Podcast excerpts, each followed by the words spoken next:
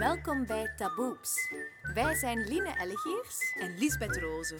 Wij voeren in deze podcast eerlijke en pure gesprekken. waarbij we op zoek gaan naar de grootste taboes anno 2020. Wij staan voor minder schaamte en meer kwetsbaarheid. Denkt u straks, amai mijn loetje, dat was interessant? Ga dan zeker een kijkje nemen op www.taboeps.be.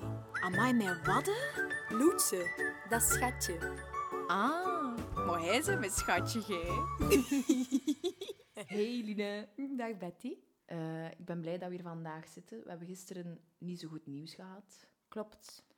Eh, het ging over eh, de coronaperiode en alle cijfers en alle eh, nieuwe maatregelen. De nieuwe maatregelen zijn heftig.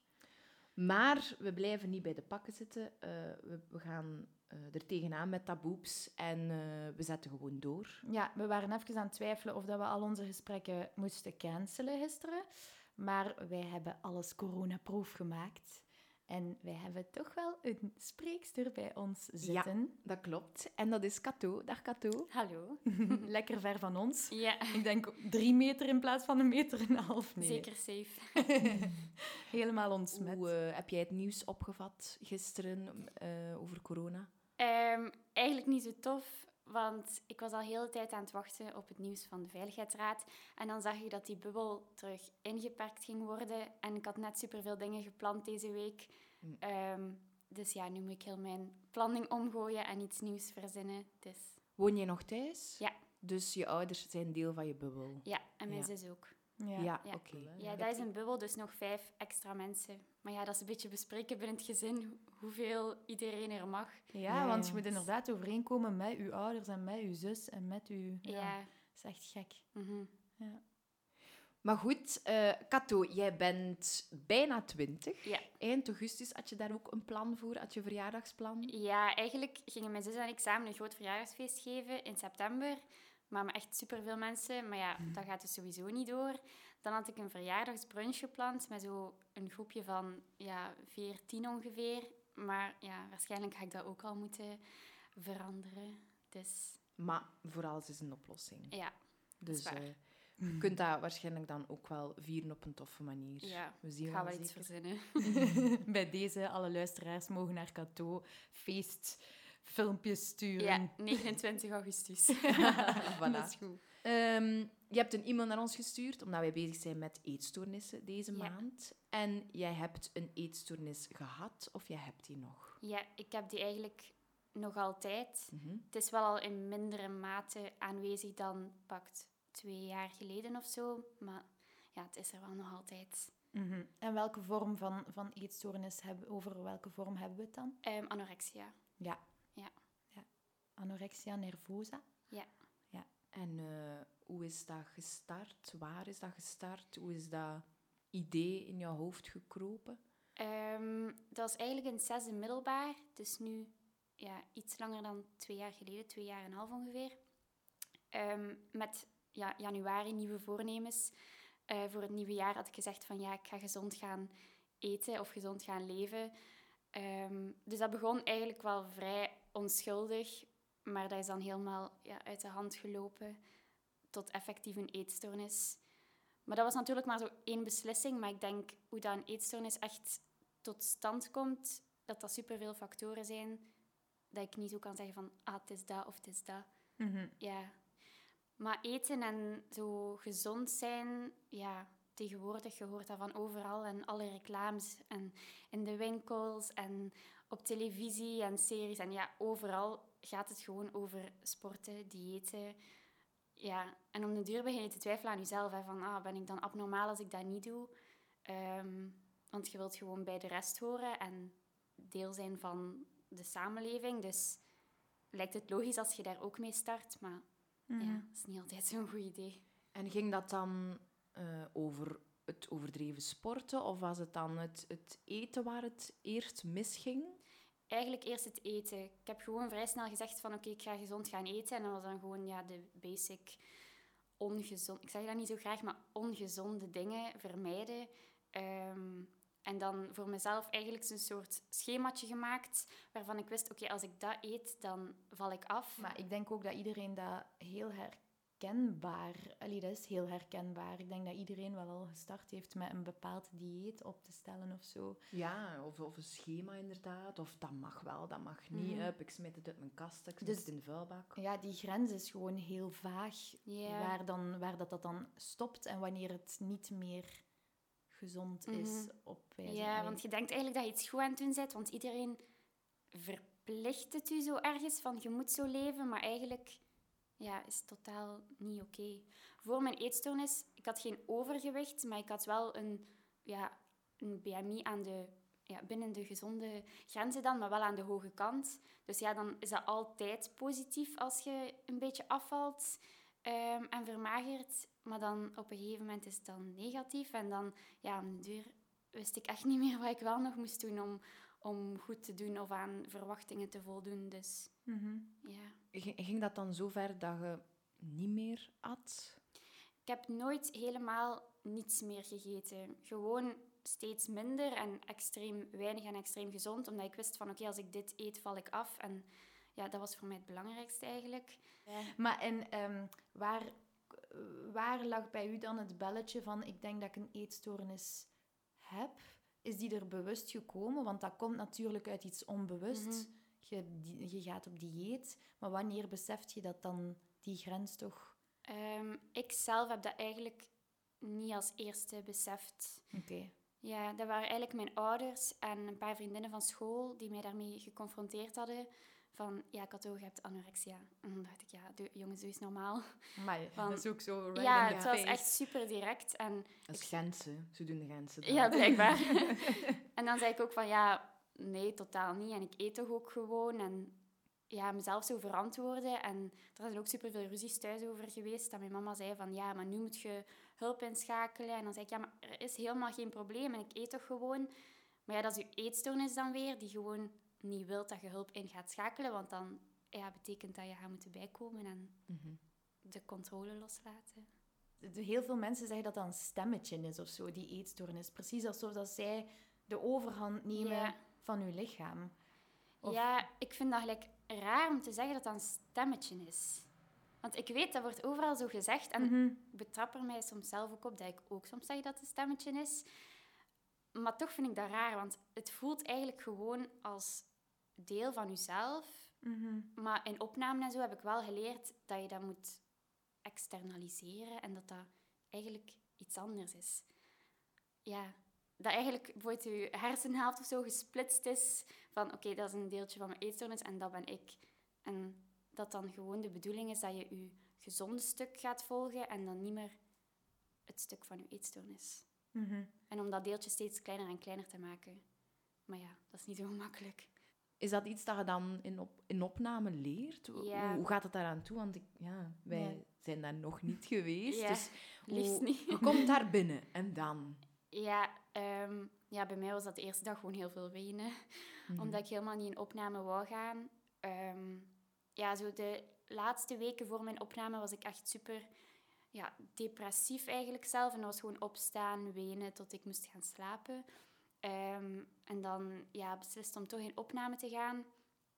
En dan, ja, je wordt zo uit die vertrouwde omgeving gehaald. En opeens ja, zit je tussen andere mensen met een eetstoornis. En ja, in een ziekenhuissetting. En dan is dat weer daar blijven slapen. En hele dagen zijn gevuld met therapie. En ja, dat is gewoon een super grote aanpassing. Na een Ja. tijdje word je dat dan wel gewoon. En dan voelt dat daar als je vertrouwde omgeving. Maar ja, dat heeft wel even tijd gekost tegen dat dat zo was. Een eetstoornis is dus iets dat je, ja, iets heel competitief en je ziet iemand die bijvoorbeeld dunner is dan u of iemand die minder eet dan u en dan je gaat jezelf daarmee vergelijken en dan jij wilt nog minder. Het is echt een soort van wedstrijd van om het minst.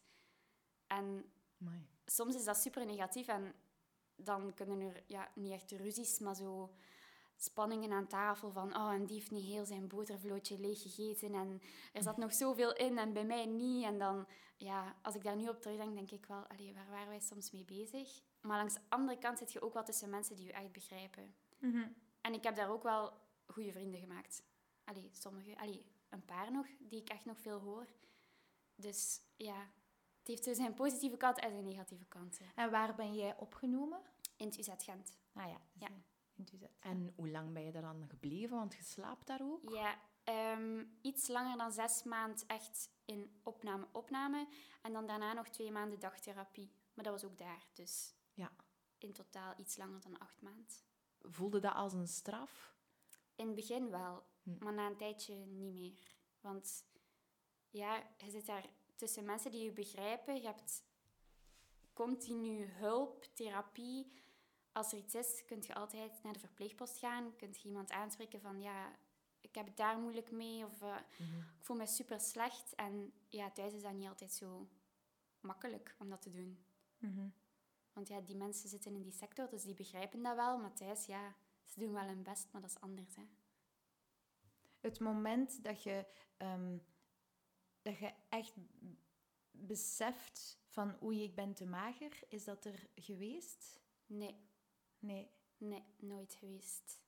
Ik kan dat echt niet zien, dat ik te mager was. Ik stond ook vaak op de weegschaal in opname. En dat ik echt dacht van, ja, maar dat, dat klopt echt niet, hè. Dat is mijn gewicht niet. Dus- Dat, ik, dat ik dacht van, ja, ik ben toch veel dikker dan dat. Of ik, ja, ik weet niet. Dat is echt iets raar. Dus dat, dat deeltje dat, dat daarmee bezig is of dat daaraan denkt, zit daar wel nog. Mhm. Ja. Ja. Nog 24-7. Ja. Mm. Ja, Maar we zien ook op hun Instagram dat je dan wel veel foto's post van leuke dingen dat je doet. Dus dat is eigenlijk super positief, maar ook Ja. wel veel van eten. Ja. Is dat iets voor jezelf? Is dat iets voor je omgeving? Ehm, Ehm, wel, ik heb voor mezelf een checklist opgesteld voor een nieuwe jaar, dus 2020 dan. maar een goed jaar, hè? Amai, amai. Ja, echt super tot nu toe. Top. Ehm, omdat ik dacht van, ja, ik ga nu eens goede nieuwe voornemens maken. Ehm, met 36 uitdagingen, dus uitdagingen qua eten dan, die ik wil Ja, ik zag vervolledigen in 2020. En die plaats ik dan online, omdat dat een beetje, ja, dat helpt mezelf om het te delen en te tonen van, oké, hier ben ik mee bezig. En dan zien mensen dat ik dat ook aan het doen ben. Dus helpt mij dat van, oké, mensen weten dat, dus ik moet gewoon afmaken mijn lijstje en ik ga dat ook doen. Maar nu krijg ik zo steeds meer berichten van andere mensen met een eetstoornis die zeggen van, "Ah ja, dat inspireert mij echt en dat helpt mij echt. En ik heb nu ook al zo'n lijstje gemaakt. En ja, ik had dat wel een beetje... Allee, die impact daarvan onderschat, want ik deed het vooral voor mezelf. Van, oké, ik ga dat delen en hier ben ik mee bezig. Maar nu ja, krijg ik echt wel veel berichtjes van andere mensen. En dat motiveert mij dan ook weer, want dan denk ik, oké, ik kan er mezelf mee helpen. Maar ik help ook anderen mee. Ja, ik denk nu direct aan iets, maar die moet ik nog doen, want dat is echt een van de allermoeilijkste. Dat is zo pizza van de Pizza Hut. Ja. Ehm, pannenkoeken. ehm kastaarspaghetti. Oh. Ik kan daar even reclame maken. Ja, I love you. Onlangs was, was het eh, croissants, had ik gezien. Ja, ik heb koffiekoeken gedaan vorige week. En waar, ja. En dat is dan een gigantische stap voor u. Ja, Mhm. ja vind ik wel echt moeilijk. En doe je dat dan samen met eh, vriendinnen of met je zus of met je ouders? Ja, of- meestal plan ik het wel samen met iemand anders. Ja. Want ik wil niet zo dat het zo beladen is en zo van, oké, nu ga ik hier die koffiekoeken doen en dat zoiets negatief is. Maar ik probeer dan gewoon iets gezelligs aan te koppelen. En dan, als ik dat samen met een vriendin doe of zo, ja, dan kun je ondertussen babbelen en lachen en ja, die dingetjes doen. En dan gaat dat ook gemakkelijker als dat gewoon spontaan gebeurt. Ja.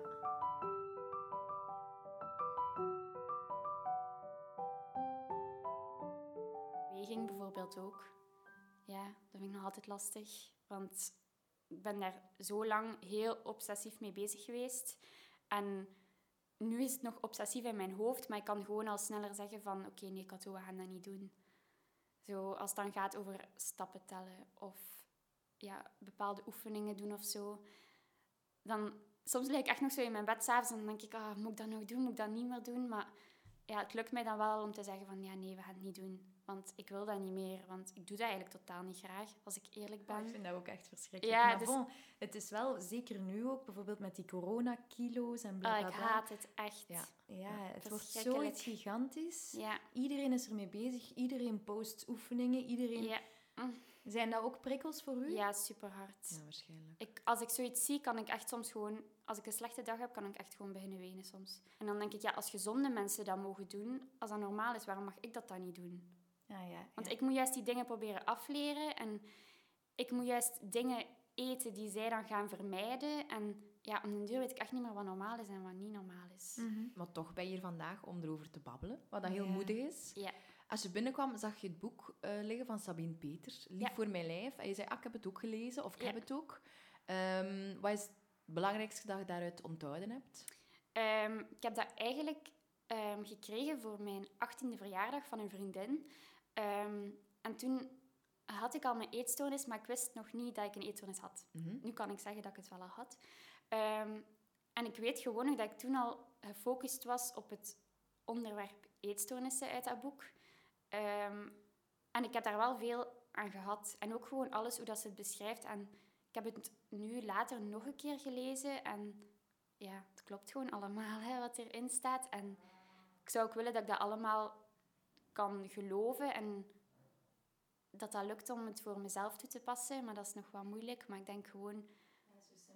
Ja, dat je daar de aandacht op moet blijven leggen. En ja, het steeds vaker tegen jezelf moet zeggen van... Het is oké. En die dingen die zij ook beschrijft... En dat je het, als je dat vaak genoeg herhaalt, dat je het ook wel gaat geloven. Allee, ik weet het niet, hè, want het is nog niet zo, maar ik geloof er ergens wel in dat dat, dat, dat kan. Ik heb nog wel een vraagje. Wij zagen een Pano-reportage. Ik weet niet of dat je die zelf hebt gezien. eh, waar dat er inderdaad geheime Instagram-accounts Ja. werden aangemaakt. Ehm, Mm, ja, dat is eigenlijk zot, maar als je geen eetstoornis hebt, kun je echt niet weten hoe groot dat die wereld is online, gelijk op Instagram en zo. Dat is Ja, echt ja. gek. Vanaf dat je daarin zit, iedereen kent iedereen gelijk. Dat is echt zot. Als ik zo met mensen babbel, of als ik zo berichtjes krijg van iemand die ook met een eetstoornis worstelt, dan is het soms van, ah, ken jij die? Maar dat zijn dan mensen die wij beiden van online kennen en niet in het echte leven. En ja, dat is gelijk echt, hoe dat, dat in die reportage ook was, één groot netwerk. Ja, een community daarin. Wat ik eigenlijk echt niet oké vind. Want het is voornamelijk negatief, ja, die ja. dingen die erop staan. En ja, veel van die accounts zijn dan recovery-accounts, staat er dan bij. Maar ik vind totaal niets recovery aan. Ja, dat is gewoon voor niemand helpend, mijn eetstoornis. Want toen ik nog echt veel dieper zat en ik keek naar die accounts, dan dacht ik, ja, maar zij eten dat en ik eet nog dat. Dus ja, ik ben echt niet goed bezig. Ja, ik, ik moet dat ook doen. Of ah, ik moet ook zoveel wegen. En ja, het is gewoon één zieke wereld. Ze denken dat ze elkaar positief beïnvloeden. Van, ah ja, ehm, ik help mensen door mijn verhaal te delen. Maar eigenlijk heeft het een beetje het tegenovergestelde effect als je het op die manier doet. En dat vond ik zo frustrerend. En ik hoop dat ik met mijn account daar een beetje verandering in kan brengen. Want ja, ik wil gewoon niet dat mensen zich negatief aan mij of aan anderen zouden spiegelen. Spiegelen. Dus ja, ik hoop dat ik... Allee, dat klinkt misschien zo groot en... Ja, ik weet niet, maar... Nee. Dat mag. Dat mag. Maar Je bent mega goed bezig. Ja, ik wil Dus- gewoon niet dat mensen allee, denken van... Ah, oei, die eet maar dat of die doet maar dat, dus ik moet dat ook doen. Nee, ik wil dan wel... Ik wil dan wel bijvoorbeeld een voorbeeld zijn van een recovery-account die wel echt voor recovery gaat. Ja, ja. En dat is niet makkelijk, hè. En er zijn ook dingen die moeilijk zijn en die wil ik dan ook eerlijk delen. Maar ik wil wel over het algemeen motiverend zijn.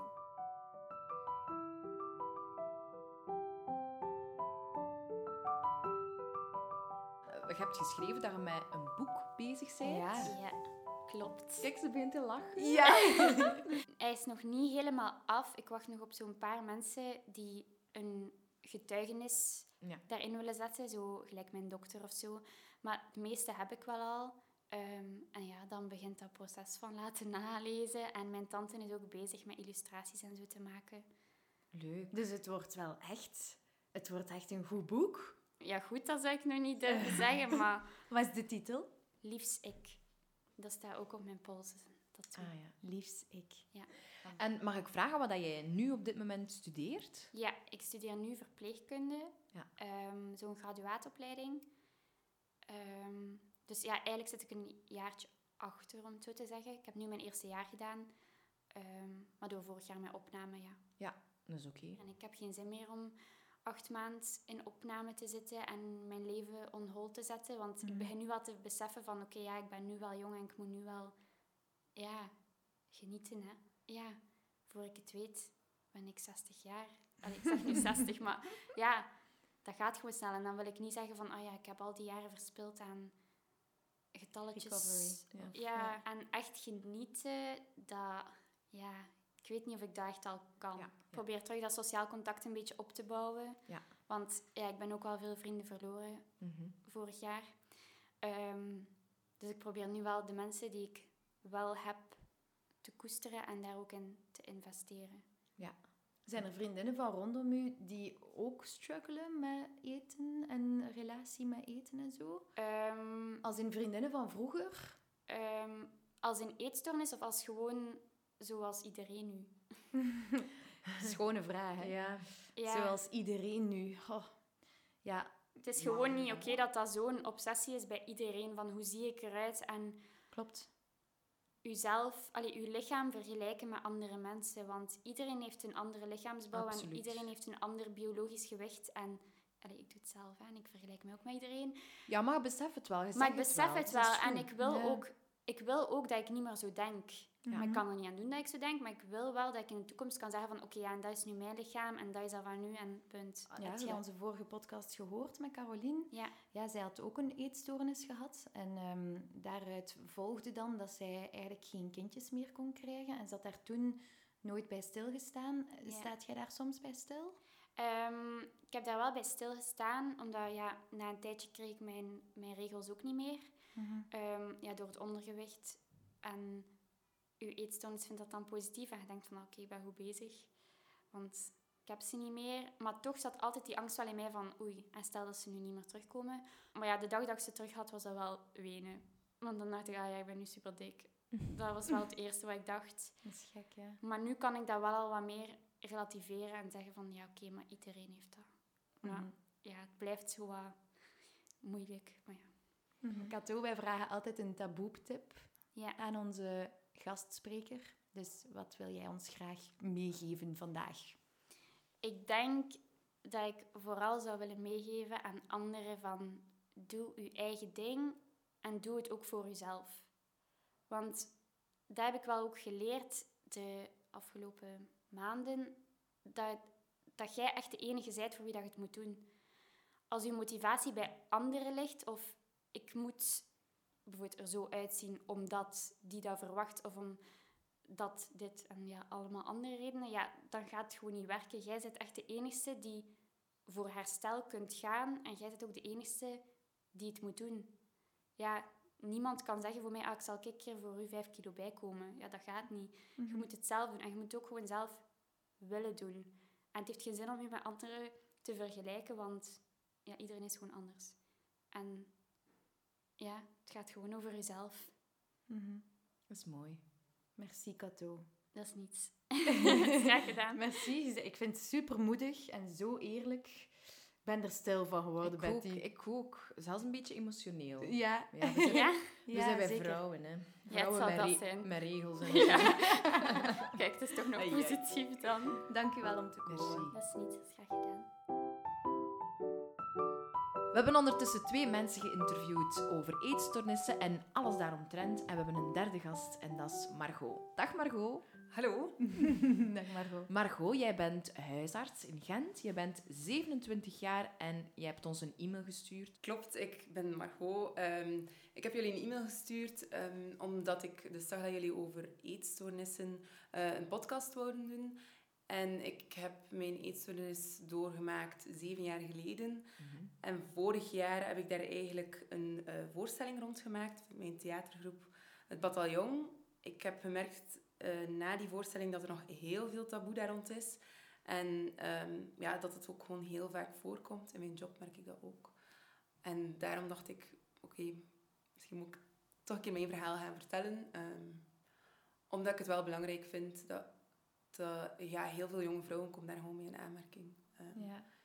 ik weet niet of dat nu door mijn voorstelling komt, doordat ik er zo open over ben, maar ja, ik, ja, ik merk en ik hoor van alle ho- hoeken eigenlijk dat dat wel echt iets is waar veel jonge vrouwen en eigenlijk ook mannen mee worstelen. Ja, ja, ja. Ehm, wij zijn blij dat je hier bent, alleszins. Laten we beginnen anders met jouw verhaal. Wel, over welke eetstoornis hebben we het? Ja, ik hou het altijd bij eetstoornis, om, omdat ik het moeilijk vind ehm, dat je... Ja, anorexia zie je duidelijk, maar ja, een eetstoornis is niet enkel wat je ziet. Het is eigenlijk totaal niet wat je ziet, het is meer wat er erachter zit. En voor mij is dat begonnen met anorexia en uiteindelijk ehm, ben ik, ehm, ja, heb ik eigenlijk bulimie heel hard gehad op het einde. Dat is begonnen toen ik twintig was. Eh, daarvoor was ik de perfecte dochter, de perfecte leerling. Eh, heel graag gezien bij iedereen. Hm. Hoe dat, dat juist is gebeurd, ik kan dat nog altijd moeilijk zeggen. Ik denk eh, verschillende factoren. Ja, gewoon, ik had iemand ontmoet die, ehm, ja, waar ik verliefd op was. Dat was niet wederzijds. Ehm, die heeft mij dan heel hard gekwetst. Komt ook in een vriendinnenbende. Een vriendin ging op dieet. En ik dacht, ja, dieet, ja. God, misschien moet ik daar ook wel een beetje op letten. Een beetje is een enorme verslaving geworden ehm, en is een hel geworden. Eh, dat, ik zat toen in mijn derde jaar geneeskunde. Dat begint met diëten. ehm, maar plots kun je niet meer stoppen. Wil je meer, wil je meer, wil je meer. Ehm, ja, tot op een moment dat ik het eigenlijk zelf nog niet door had. Ik herinner me nog goed dat ik eigenlijk naar een diëtiste wou om nog meer af te vallen, omdat het mij niet meer lukte. En dan kwam ik eigenlijk bij die diëtiste en die zei van... ehm, ja, je hebt wel een probleem. Ehm, je moet niet meer meer afvallen. Ehm, je moet eigenlijk opgenomen worden. En ik had zoiets van, huh, dit kan niet. Eh. en dan besef je het bij jezelf. Je probeert het dan weg te steken voor je omgeving. Mensen durven je er ook soms niet mee confronteren. Ik heb uiteindelijk mijn ouders in vertrouwen wel kunnen nemen. En zo is de bal aan het rollen gegaan.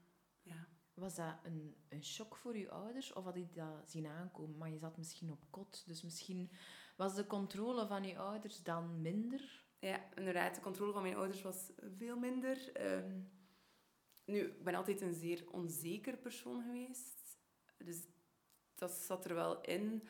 Ehm, maar uiteindelijk was ik altijd het kind waar dat er, ja, van, van drie, waar dat er het minst moest naar gekeken worden.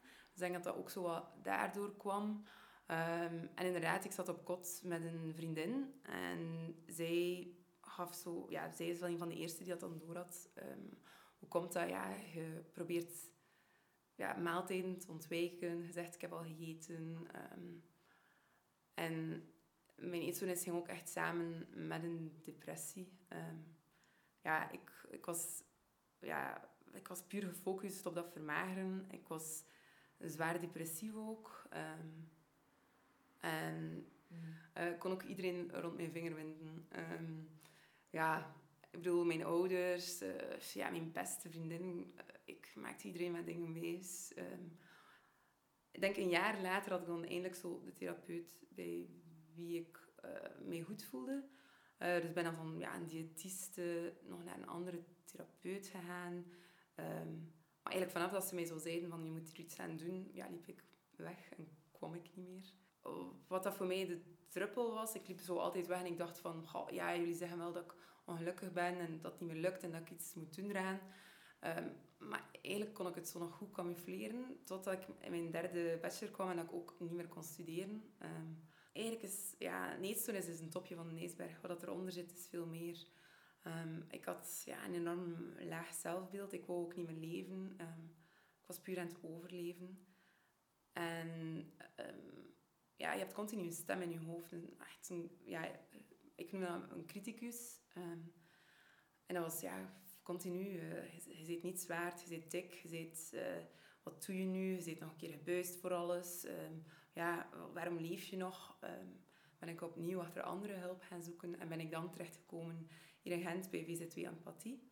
Ehm, wat dat voor mij een grote ehm, hulp was, dat was eigenlijk iemand die begreep waarover het ging. Want heel veel ah, therapeuten en hulpverlening rond die eetstoornissen zijn zo gefocust op het gewicht. Eh, zij was degene die echt zo mijn stem begreep en die kon uitleggen aan mijn ouders hoe mijn hoofd werkte. Ja. Want voor omgeving is dat heel moeilijk om te snappen. Ehm, ja, die begreep dat niet goed dat ik dan ja, eigenlijk mager wou zijn, maar soms had ik dan heel de kast leeg. En dan, ja, voor een, een omgeving gaat ook vaak zo de foute, ja, de foute dingen zeggen zonder dat ze het doorhebben. Ik herinner me nog heel goed dat ik zo aan mijn broer vroeg van, ja, merk jij een verschil aan mij? Goh, ja, nee, je bent gewoon wat depressiever, maar eigenlijk merk ik niet veel verschil. Maar dat was dan voor mij zo van, ik ben niet genoeg vermagerd en ik moet nog meer vermageren. Terwijl dat mijn broer gewoon ja, wou, wou zeggen, ja, je zag dat wel een beetje, maar je, ja, je bedoelde het eigenlijk goed. En dan heb je heel vaak gewoon die criticus die alles negatief ziet en je compleet afbreekt. Ehm, nu, bij Patianiek had, ik, had zij dan ook door dat het eigenlijk niet meer lukte om ambulant te doen. Ehm, ben ik opgenomen ehm, in de psychiatrie in Kortrijk. Ben ik daar, denk ik, twee keer opgenomen geweest. Maar heb ik ook een intake gedaan in Tienen. dat is een eetstoorniskliniek ja, altijd korte opnames, drie weken, een maand. Daarna dacht ik, oké, het gaat mij lukken. Maar ik herviel continu. Ah ja, dat, dat vraag ik mij soms af. Ik heb dat ook gelezen in het boek van Jentel.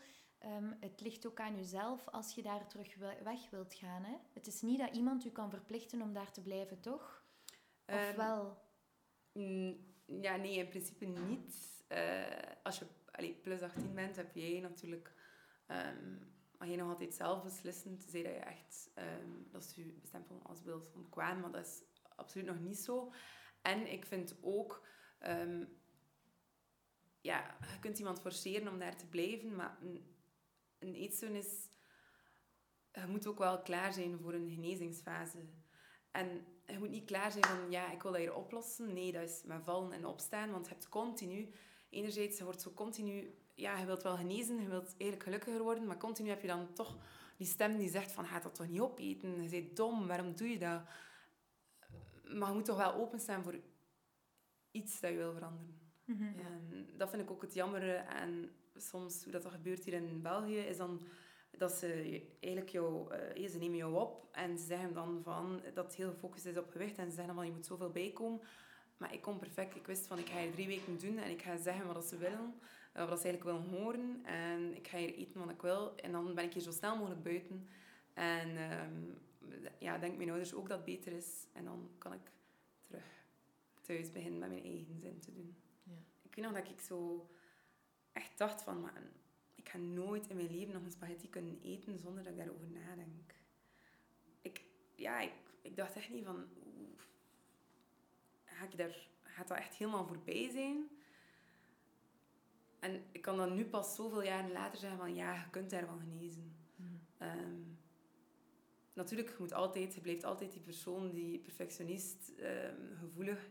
En je hebt altijd echt je basis nodig en je zelfzorg. En heel mijn leven ga ik daar moeten voor opletten. Um, maar nu beleef ik meer mijn emoties, terwijl ik vroeger ja, mijn emoties eigenlijk ging verwerken door te eten, niet te eten. dus op een andere manier iemand met een eetstoornis is soms iemand die aandacht wil, is Mhm. iemand die mager is. Ehm, maar er zijn zoveel eetstoornissen dat je niet ziet. Ehm, ook ja, mensen die zich overeten, emotie eten, ehm, dat, is- ja, dat zie je allemaal niet. En enerzijds, als je dan probeert uit te leggen aan je omgeving, zeggen ze van, ah, maar zoveel ben je toch niet vermagerd? Nu, natuurlijk, ik heb ook een periode gehad dat ik dan wel extreem mager was. En pas dan spraken mensen u daarover aan. En dan zei ik, ja, ik ga mijn best doen. Want ik zag ook dat mijn ouders daar super ehm, ja, ongelukkig over waren. Mijn mama is moeten stoppen met werken om voor mij te kunnen zorgen. Ehm, maar dan was het nog altijd zo van... Allee, ja, soms heb ik dat nu nog, omdat ik genezen ben, dat ik zo denk van... Ja, het is wel eigenlijk niet zo moeilijk. Je moet dat maar gewoon opeten, denken ze. Maar er zit zoveel meer achter. Mhm. Ehm, en ja, ik ben bij VZ2 Empathie terechtgekomen, die echt wel systemisch te werk gaan, dus met familie en oplossingsgericht.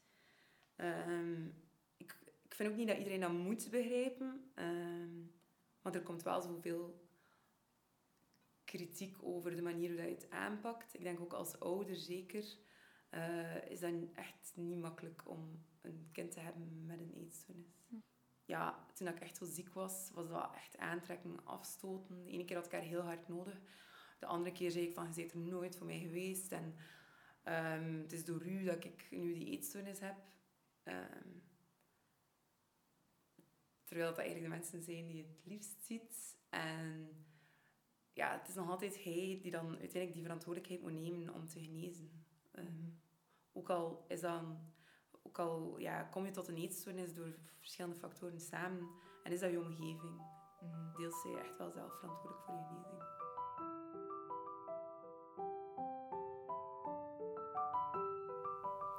Je bent naar Kaapstad geweest. Ja. Eh, mijn mond viel open als ik dat las in je e-mail. Hoe, wat, waarom, wat is er daar gebeurd?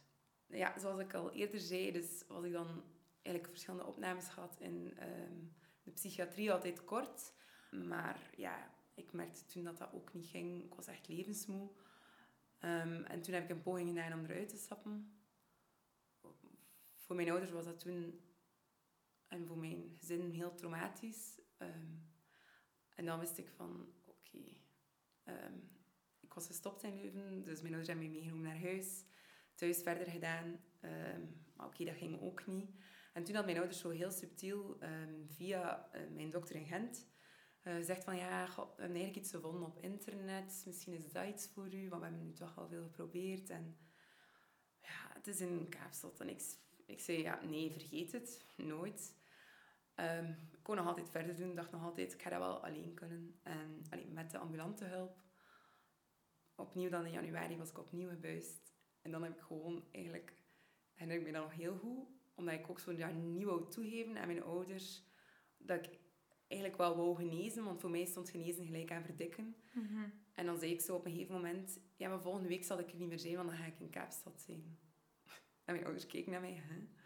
Ik zei, ja, ik denk dat ik wil opgenomen worden. En dat was dan... Ja, dat, heeft, dat idee heeft zeker ja, vijf maanden hebben we nog geploeterd en eh, ambulant geprobeerd. En dan heb ik dat gezegd en een week later zat ik op. Ik denk dat toen de moeilijkste periode in mijn leven is begonnen. Ehm, ja, ik wist totaal niet waar ik aan begon. Misschien beter, want anders was ik nooit vertrokken. Ehm, Zo ver. In een ander land, helemaal alleen. Ja, maar dat heeft uiteindelijk echt wel... Nu kan ik zeggen, dat is echt een, een geschenk uit de hemel geweest.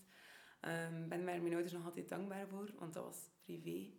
Ehm dus een privéziekenhuis. En ja, jammer genoeg is dat voor velen die... ehm, ja, jonge eh, mensen... Ja, is dat heel moeilijk om dat financieel te kunnen dragen. Dat kun je maar zien achteraf. Ehm, ik ben daarna vertrokken. Ja, je komt toe en je wacht eigenlijk op iemand aan de luchthaven. Ik was compleet uitgeput. Ik kon niet meer. Ehm, ja, en dan kom je daartoe en dan, ja, dan, toen begon het echt. Therapeuten dat je niet kent, mijn gsm, mijn computer, werden afgenomen. Ehm, dus ik mocht nog één telefoon doen naar mijn ouders van ik ben goed toegekomen hier.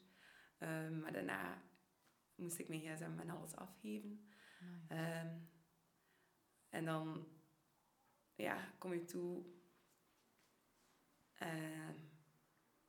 Ja, ik vind het altijd moeilijk om daarover te praten, want het was een heel lastige periode. Ik vond ik moest daar echt wel de kracht in mezelf vinden om te genezen. Ik twijfel nog altijd de dag van vandaag, is dat wel de methode? Ik denk ook dat iedereen zijn eigen eh, weg moet afleggen en zijn eigen manier moet vinden van behandeling.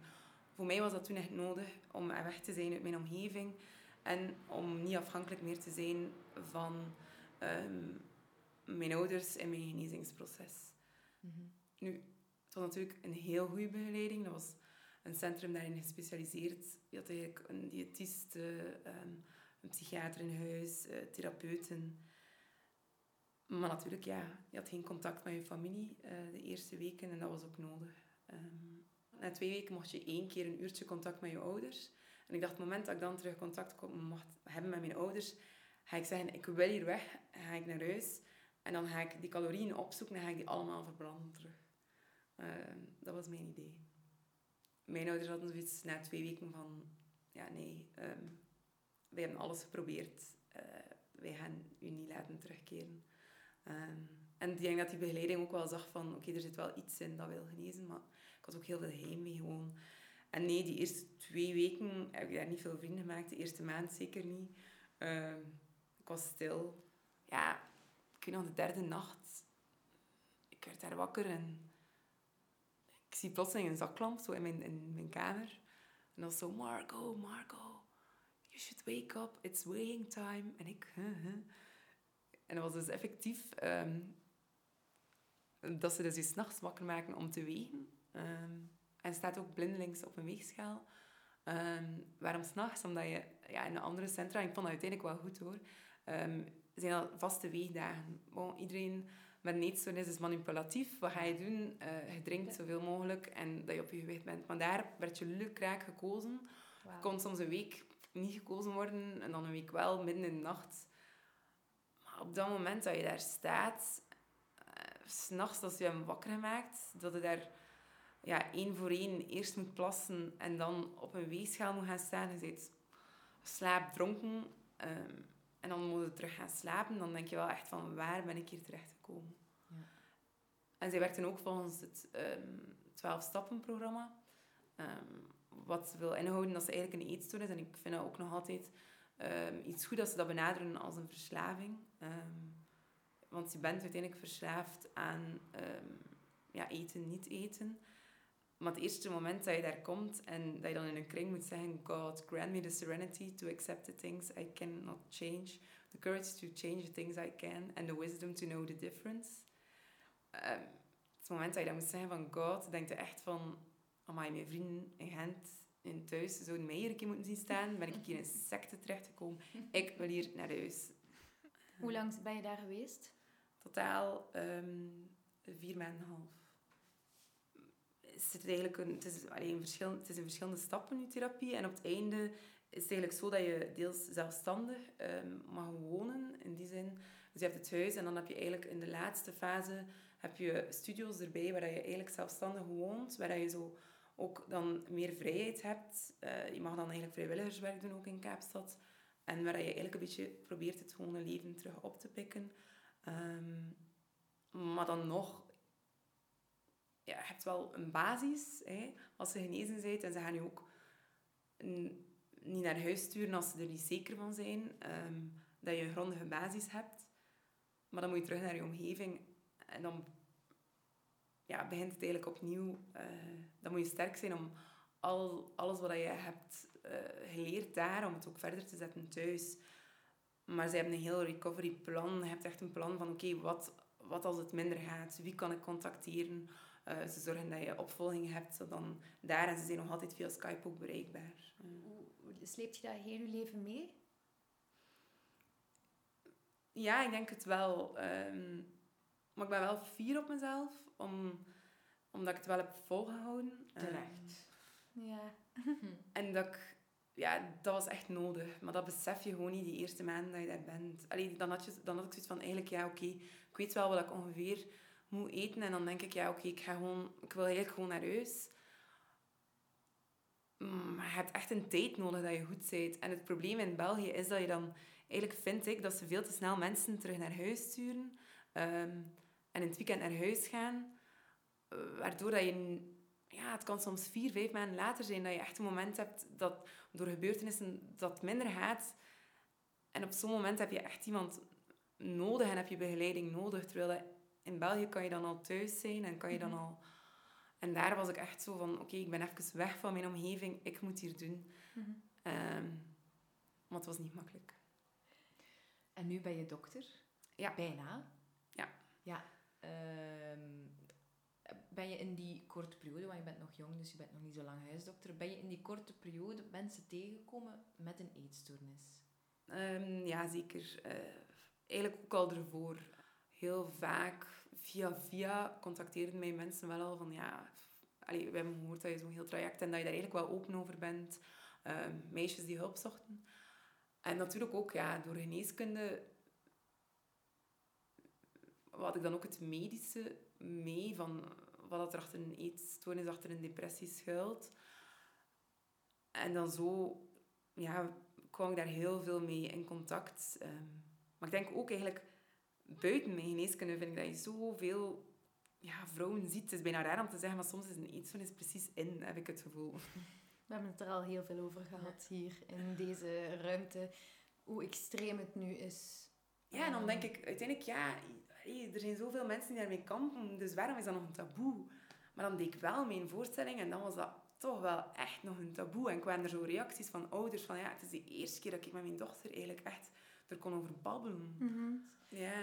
En misschien zeker ook voor mannen, want je zei het in het begin, hè, eh, ook jongens, we vragen ons dat af. Misschien omdat jij dokter bent, weet je daar meer over? Of, of omdat je Ehm, zelf een studie Ja, cijfers van 2014 zeggen toen dat de verdeling eh 1 op 10 mannen was en 9 op 10 eh, vrouwen. Maar ondertussen is dat al heel veel allee, toegenomen en zijn ze nu zelfs eigenlijk 1 vierde mannen. Ja. Ah, ja. Ja. Ehm, en ik vind ook wel dat er daar allee, belang moet aan gehecht worden. Ehm, ja, een een eetstoornis kan heel veel verschillende manieren zijn. Je hebt ook anorexia atletica, eh, waarin dat je gewoon enorm veel gaat sporten om controle te hebben. Ehm, er zijn ook heel veel ja, mensen die s'nachts een frigo leeg eten, zonder dat eigenlijk zelfs een partner dat soms doorheeft. Ehm, het is zo verbonden met, met emoties, maar het makkelijke denk ik aan een andere verslaving, bijvoorbeeld aan een alcoholverslaving, ja, je ziet dat iemand is, is, is, ja, is eigenlijk dronken, iemand heeft ontwenning. Een, eet, een eetstoornis is eten, is zoiets, een, is een basisbehoefte Ja. voor iedereen. Mhm. Dus je kunt het ook heel lang wegsteken. En dat vind ik het grote gevaar ehm, eraan, ja. Mhm. Oké, je hebt er een voorstelling over gemaakt. Mhm. ja. Daar zijn wij benieuwd naar. We hebben het nog niet gezien. Nee. Dus eigenlijk, ja, ik kwam dan terug. Hè. Ehm, ik heb dan ook de keuze gemaakt om eigenlijk ehm, mijn geneeskunde in Gent verder te doen. En dan had ik ook door van... Ja, ik ben, ik ben niet doorsnee. Alleen niemand...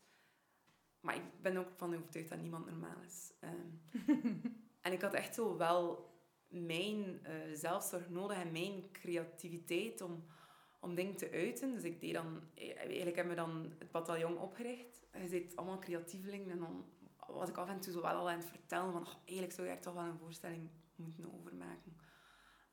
Vooral ook ja, de reacties van mensen soms, eh, die het niet doorhebben, zoals ik al eerder zei. En was ik daar zo over beginnen vertellen, en is dat idee zo beginnen rijpen. En ik geleidelijk aan zo wat dingen beginnen schrijven, herlas ik ook mijn dagboeken van toen en dacht ik, oh my god, hier kan je zoveel mee doen. Ehm, en dan eigenlijk ja, mijn kotgenoot, eh, mijn vriendin, die mij echt in een heel donkere periode heeft gekend. Ehm, waarmee ik nu heel veel kan terugkijken op die periode, waar ik nog altijd bij terecht kan. Met haar ben ik dan zo, wat- ja, zo beginnen nadenken en uiteindelijk zo'n keer een stuk geschreven en dan dacht ik, oh ja. En dan zo is het een beetje aan het rollen gegaan. Zo kwetsbaar wel. Ja, maar ergens ook niet. Ik had misschien een beetje meer schrik om naar hier te komen vandaag. Echt? Omdat op een, ja, op een toneelvoorstelling... Er zit toch nog altijd zo wat ruimte tussen het publiek en hij. Maar dan had ik wel eigenlijk zoveel reacties gehad. En goh, dat ik dan wel dacht van... Wow, het moest wel ergens een... een ja, zoiets doorprikt worden bij mensen. Ehm, ja. En gaat het nog spelen? Ehm, ja, eh, we hebben terug zin om te spelen nu door corona. Ehm, Wij willen het zien. ja. Eh, ja, door corona is dat natuurlijk wel een beetje onzeker nu. Maar ja, ik heb drie keer in Kortrijk gespeeld, in Gent en in Brugge. Dat was allemaal uitverkocht. Ehm, en ik heb nog zin ook om te spelen. Ehm, misschien schoolvoorstellingen vind ik wel belangrijk. Want ja, het komt meest voor eh, wel bij de jongere leeftijd, eh, tussen de 10 en de 30. Ehm, en ik vind het belangrijk dat jonge mensen ook wel het besef hebben van wat een groepsdruk kan zijn voor een jong iemand die onzeker is. ehm, en hoe dat je best reageert. ehm. weet je, ja, dus ik wil echt wel nog verder die awareness creëren. Ehm, ik ben nog altijd kwetsbaar en ik, ik denk wel dat je van een geneeskunde... eh, sorry, van een, een eetstoornis kunt genezen. Maar ja, ik ben eens blij dat ik dat heb doorgemaakt, omdat ik nu weet wat dat mijn zwaktes zijn. Ik ben nog altijd perfectionistisch. Ehm, ik weet ook... Ja, ik ben niet iemand die voltijds gaat kunnen werken en ik moet af en toe een rem zetten op mezelf. En ik heb daar geen schaamte voor. Ik ga nog altijd naar een therapeut. En soms denk ik, sorry, maar dat zou moeten verplicht zijn voor iedereen. Want ik vind dat zo raar dat, dat nu nog altijd in de praktijk zo van, oh, psycholoog, oh, ja. Oh, ik weet het niet hoor, ja. Misschien iets psychotherapeutisch van de opleiding bijvolgen, om toch wel nog meer te kunnen betekenen voor de mensen die echt door die hel gaan. Ik leef nu en ik beleef, en vroeger was dat gewoon overleven. En nu heb je momenten dat je nog soms in overleven gaat, maar je hebt een netwerk en je hebt je basis. En daarvoor ben ik zo dankbaar. En het is, eh, wat ik ook nog wil meegeven, eh, er is geen enkele behandeling perfect of geen enkele manier van hoe dat je het moet aanpakken perfect. En dat is heel individueel. De ene persoon heeft veel aan groepstherapie, de andere niet. Ehm, bij de ene persoon moet er streng aangepakt worden, bij de andere niet. Ehm, probeer veel en geef niet op. Ehm, want het is geneesbaar. En op het einde vroegen ze aan iedereen een slot zijn van wat heb je meegenomen. En het enige wat ik op dat moment kon uitbrengen was... Normal is just a cycle on the washing machine. Ik hou van mij, hoor je nooit zingen. Ik hou van mij, wordt nooit gezegd. Maar ik hou van mij, ga ik toch zingen. Want ik hou van mij, van mij alleen. En ik meen het.